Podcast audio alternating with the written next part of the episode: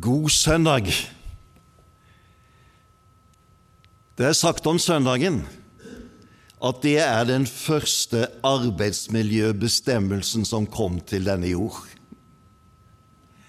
Bestemmelsen om hvile én dag i uka, og om en dag til å samles i Jesu navn, i Guds navn, for å pleie fellesskapet med hverandre og med vår himmelske Far. Det er derfor en velsignelse som er lagt inn i søndagen ifra skapelsen av, og som gir oss både noe for kropp, noe for sinn, noe for vår ånd. Så vi har grunn til å takke for søndagen. Tenk om du ikke hadde hatt den. Tenk om du skulle jobbe syv dager sammenhengende gjennom hele livet. Det hadde blitt mange arbeidsdager. Slik ville ikke Gud. Og han ville at vi skulle samles denne dagen, og så fikk den altså en ny dimensjon ved det at det også er Jesu oppstandelsesdag, slik at det ble den første dag i uka de kristne samlet seg for å tilbe og tjene Gud. Skal vi be? Vi takker deg, Herre, for denne dagen. Takk for det at du sto opp, du lever, og så kommer du oss i møte også denne søndag. Vi er samla i ditt navn, og du har gitt oss løfter om ditt nærvær. Og Nå ber vi, Herre, om at vi merker dette ditt nærvær gjennom det som synges, det som sies, gjennom ditt ord. La Ånden levendegjøre dem, slik at det blir en tale fra deg til oss som kan forme våre liv slik at vi ligner deg. Hør oss du, Herre, og hjelp meg nå til å bære dette frem som du har lagt på mitt hjerte, at det også må være fra ditt hjerte og til våre hjerter. Amen. Prekenteksten på denne søndag er fra Johannes evangeliet kapittel 2 og fra vers 1 til 11, og vi reiser oss.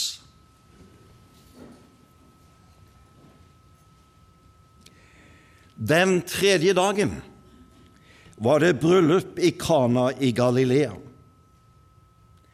Jesu mor var der. Også Jesus og disiplene hans var innbudt.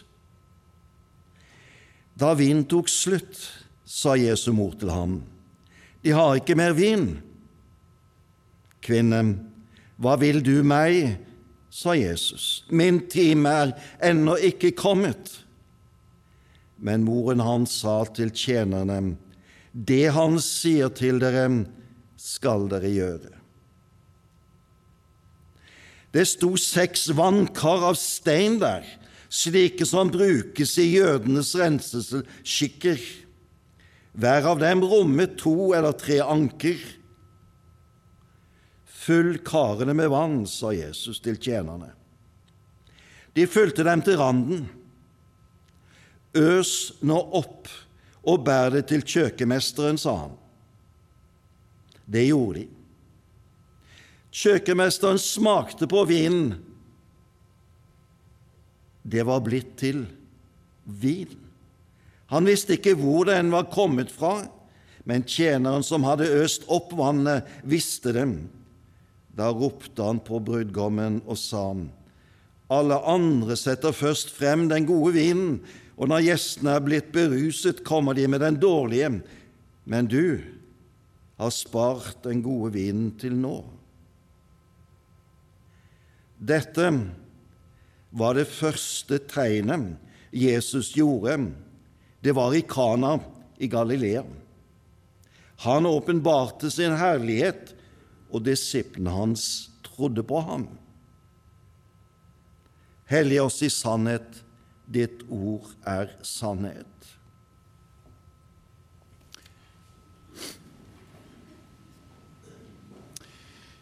Vi er i den delen av kirkeåret som kalles Kristi åpenbaringstid. Og de ulike tekstene på de forskjellige søndagene de prøver å løfte frem for oss Jesus Kristus, slik at vi får se ham, hvem han er, hva han har gjort, og hvordan han møter mennesker i ulike livssituasjoner. Og Denne teksten som vi her har lest, er en underfortelling, en undertekst. Johannes kaller dette for et tegn. Et under peker ut over seg selv. Det er noe som den peker imot, og det den peker på, det er det som er det viktige.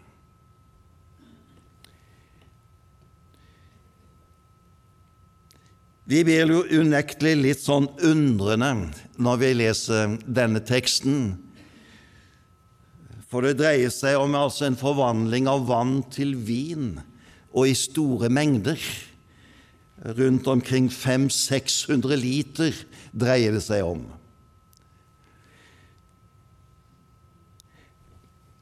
Men Jesus er altså til stede i denne situasjonen. Og han vil vise oss noe som det da gjelder å se og oppdage. Disiplene så dem og trodde, ser vi. For oss som har hele Jesu liv som bakgrunn for vår lesning av denne tekst, skulle det være enda mer tydelig hvem Jesus er, og hva han har å gi.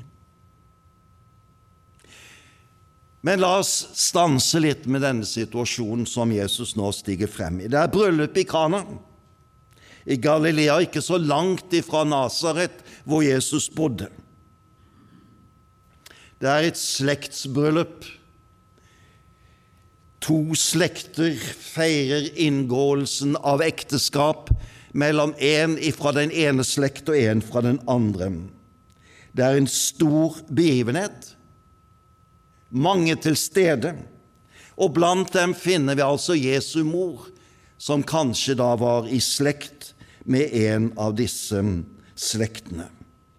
Og så er Jesus og disiplene også invitert, så er de til stede, de også. Denne bryllupsfesten er en gledesfest. Det er en ramme satt omkring det at man går inn i en ekte stand, og man lover hverandre troskap livet ut. Det er det vi kan kalle en fundamental begivenhet i disse to menneskers liv, med konsekvenser for slekt og for fellesskap og samfunn og fremtid. Det er en ordning som Gud har innsatt i denne verden. Det vi kaller en skaperordning. For han skapte mennesket til mann og kvinne. Og denne kjønnspolariteten, denne kjønnsforskjellen, er den naturlige forutsetningen for at liv skapes, og at slekter og samfunn opprettholdes og utvikles. Samlivet mellom mann og kvinne er underlagt en spesiell Guds omsorg, omtanke og velsignelse. Det merker vi allerede fra skapelsen av, når vi leser i kapittel 1 i Første Mosebok om hvordan Gud skapte mennesken, og hvordan han fører dem sammen og skape denne ordningen. Når et barn blir unnfanget og født inn i denne verden, så er det det mest hjelpeløse som finnes på jord. Er ingen fødsel med det resultat med et så hjelpeløst menneskeindivid som et barn blir født. Samtidig har dette barnet potensialer som overgår alle andre skapninger. Slik har Gud ordna det. Og ekteskapet er da den gudgitte ordning som verner om barnet, som skal gi det veiledning og hjelpe det til å møte en kaotisk verden som omgir oss alle. Og for å kunne leve i denne kaotiske verden trengs det orden og sammenheng. Og foreldre er satt til å gi det hjelpeløse barnet denne orden og sammenheng som gjør at barnet kan møte den verden vi lever i, vokse opp i den og gå inn og ta det ansvar som hviler på ethvert menneske.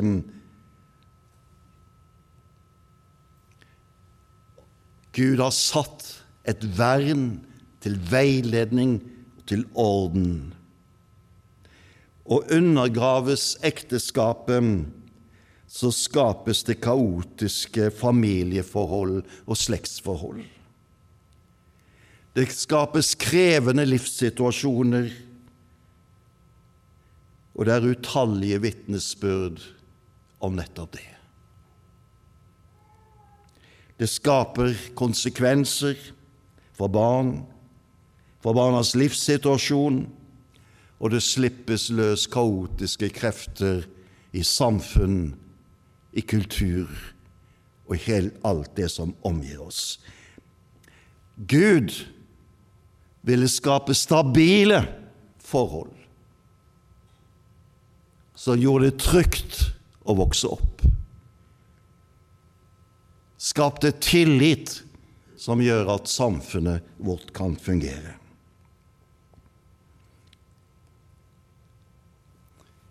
Tilbake til situasjonen. Jesus er altså til stede ved en slik begivenhet, med slik ramme og slike konsekvenser. Men så holder altså festen på å bli til en skandale.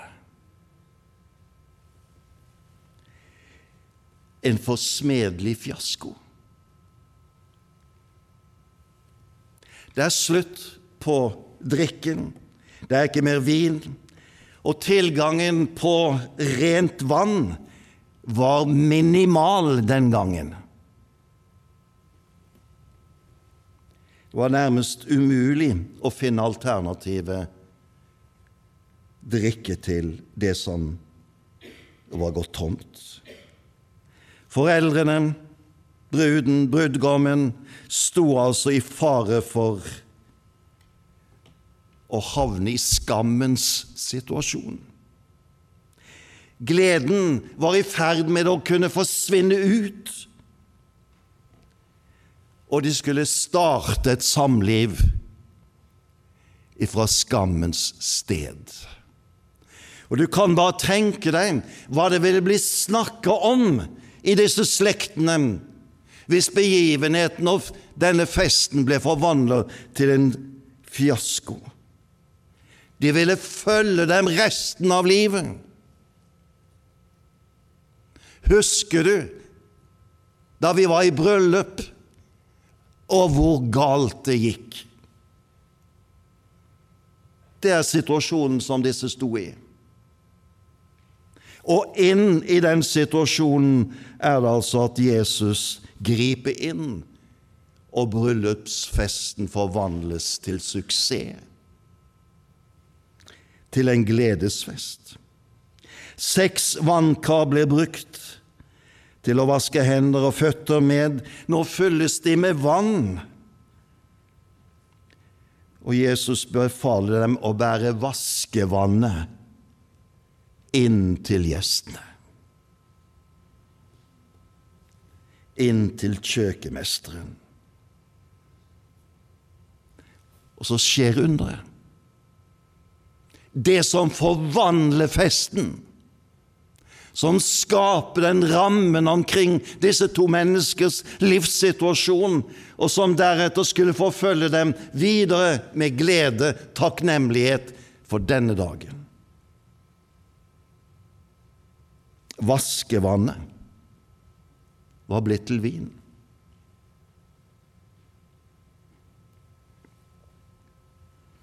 Bryllupsfesten var redde rammen omkring ekteskapsinngåelsen var til glede.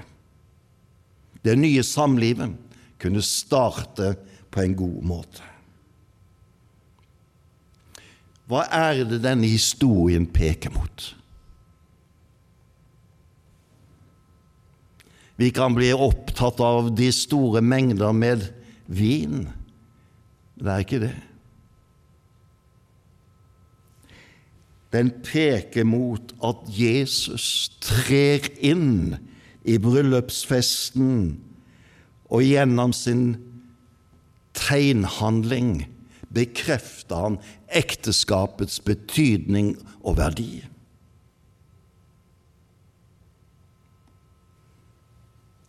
Det gjøres til en glede.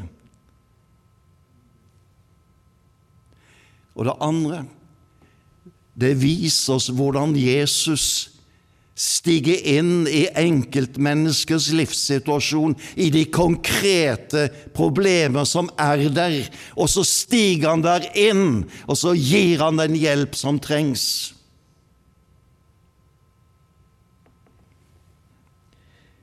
Det er mange livssituasjoner som oppstår i våre liv. Det er mange situasjoner i det ekteskapelige liv konkrete tilfeller av det ene og det andre. Men Jesus er der. Han kjenner livet ikke bare som et abstrakt begrep, men som et levd liv, som han selv har levd og vært i. også er Jesus invitert inn. Og så er han kanskje også invitert inn i ditt liv, inn i ditt ekteskap. Og er han det, så er han der som den som tar omsorg for deg Møter deg i de konkrete situasjonene som du måtte befinne deg i.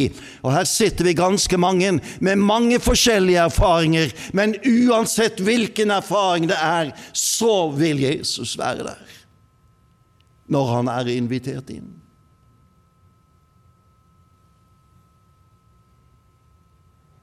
Han vil velsigne ditt liv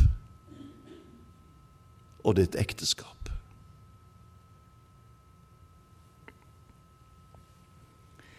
Samtidig så er denne begivenhet også et tegn som går videre enn akkurat til denne konkrete situasjonen. Det har en dimensjon som går dypere, for gjennom dette underet så trer Jesus frem på en slik måte at han åpenbarer litt av sin herlighet.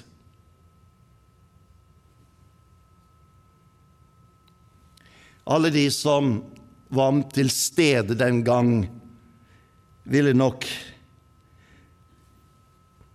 gjenfortelle denne historien litt forskjellig fordi de la merke til ulike ting. Kjøkkenmesteren ville helt sikkert ha sin fortelling, tjenerne sin fortelling, brudeparet sin fortelling, foreldrene sin fortelling, og kanskje ulike forklaringer også. Men så står det i denne teksten at når disiplene så det, så så de Jesu herlighet og trodde på ham. Hva er Jesu herlighet? Hva er det de ser?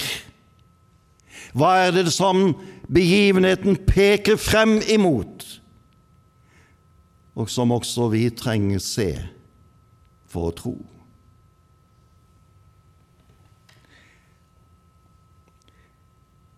Herlighet. Kabod, doksam. Det er et ord for Guds verden.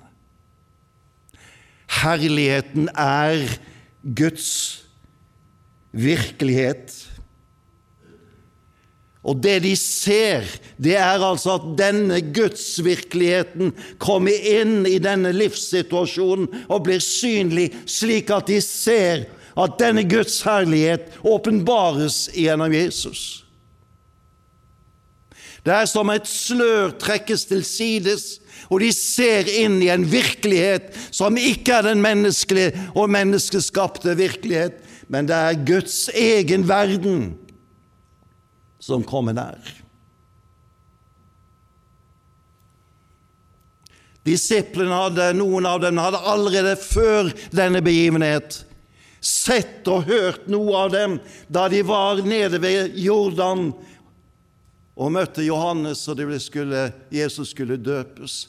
Når han stiger opp av vannet, så åpner himmelen seg over ham, og så proklameres det:" Dette er min sønn, den elskede.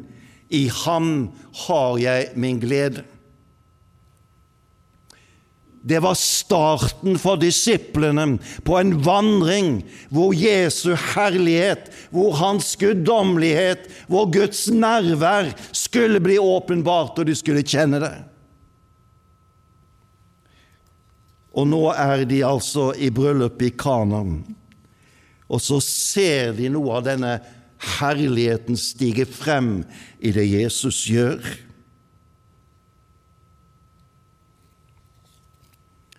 Og når apostelen Johannes ser tilbake på hele Jesu virke og alt det han har sett og opplevd sammen med Jesus, så sammenfatter han noe av dette i begynnelsen av sitt kapittel, hvor han sier og ordet ble menneske og tok bolig blant oss, og vi så hans herlighet en herlighet som den enebårne sønn har fra sin far, full av nåde og sannhet.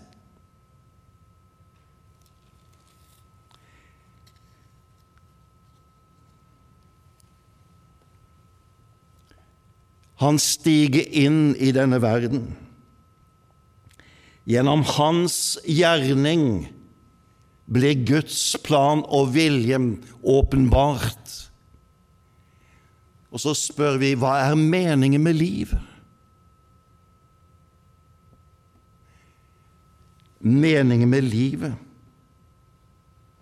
er å se Guds herlighet åpenbart i Jesus Kristus, full av nåde og sannhet.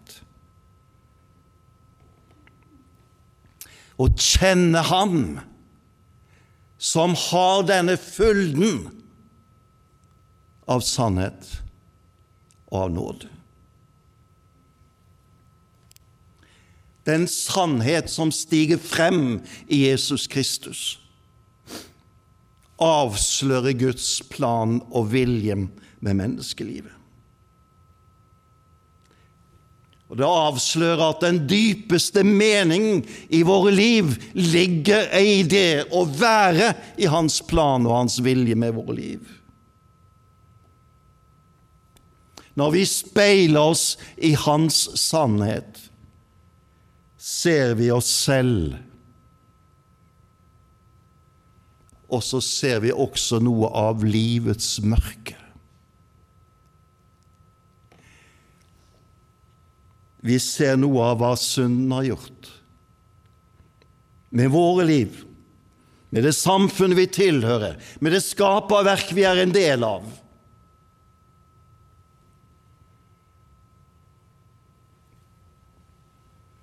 Gud kjenner det, vet om det.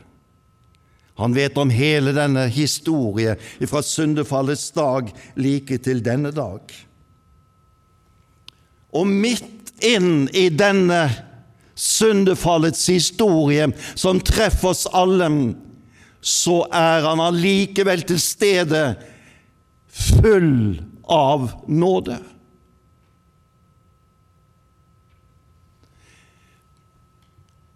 Der er ingen uttømming av Guds nåde. Han blir aldri i manko på, Guds, på sin nåde. Hans nåde er der alltid i den fylde som gjør at enhver som kommer til ham, ser sannheten om sitt liv og får se sannheten om Jesus, og derfor se Hans nåde. De får erfare at også mitt liv er fanget inn av denne Guds nåde.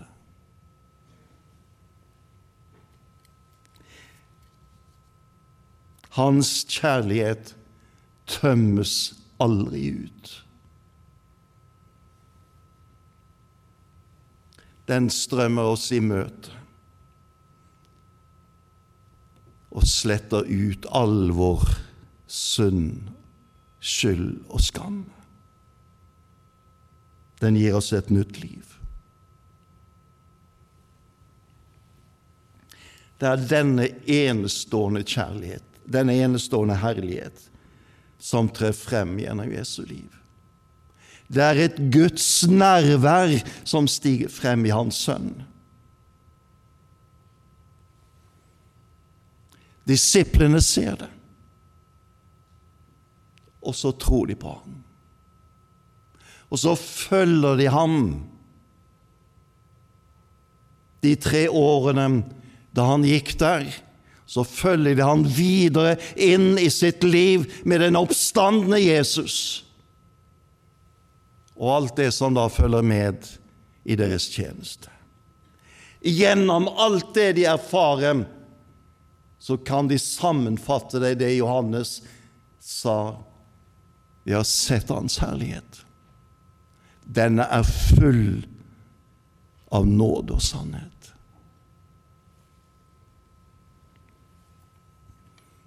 Også du og jeg kalles til troetterfølgelse.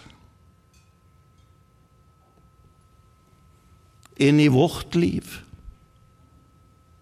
inn i vårt ekteskap, inn i vårt fellesskap, inn i vårt yrke, inn i vår slekt. Og på denne vandring ønsker Jesus åpenbare sin herlighet. Slik at du skal få erfare at i ditt liv er Han til stede, full av nåde og sannhet. Du skal slippe å leve hyklerens liv. Du skal slippe å leve skuespillets liv du skal få leve i den sannhet som Gud selv åpenbarer. Og inn i denne sannheten om deg selv og om Han, så skal du få erfare Han er full av nåde. Det er ikke en eneste livssituasjon, så mørk og så fortvila den kan være, hvor Han ikke er til stede. Og er Han der, så er Han der med sin herlighet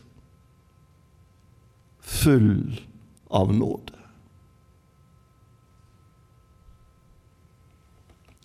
Du kjenner ditt liv, og får du speile deg i Han, så får du en dypere kjennskap til ditt liv.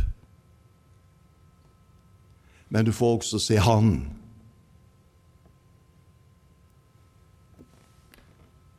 Disiplene så Hans herlighet. Og de trodde. Og de fulgte ham. Vil du være med i vandringen? Herre Jesus. Takk fordi at du kom oss i møte også i dag. Takk fordi at du åpenbarer deg. Og nå ber vi, Herre, om at du får stige inn i våre liv, inn i våre hjerter og vårt sinn, slik at vi merker at din herlighet er til stede. Vi ser deg, du Guds sønn, vår frelser og Herre. Amen.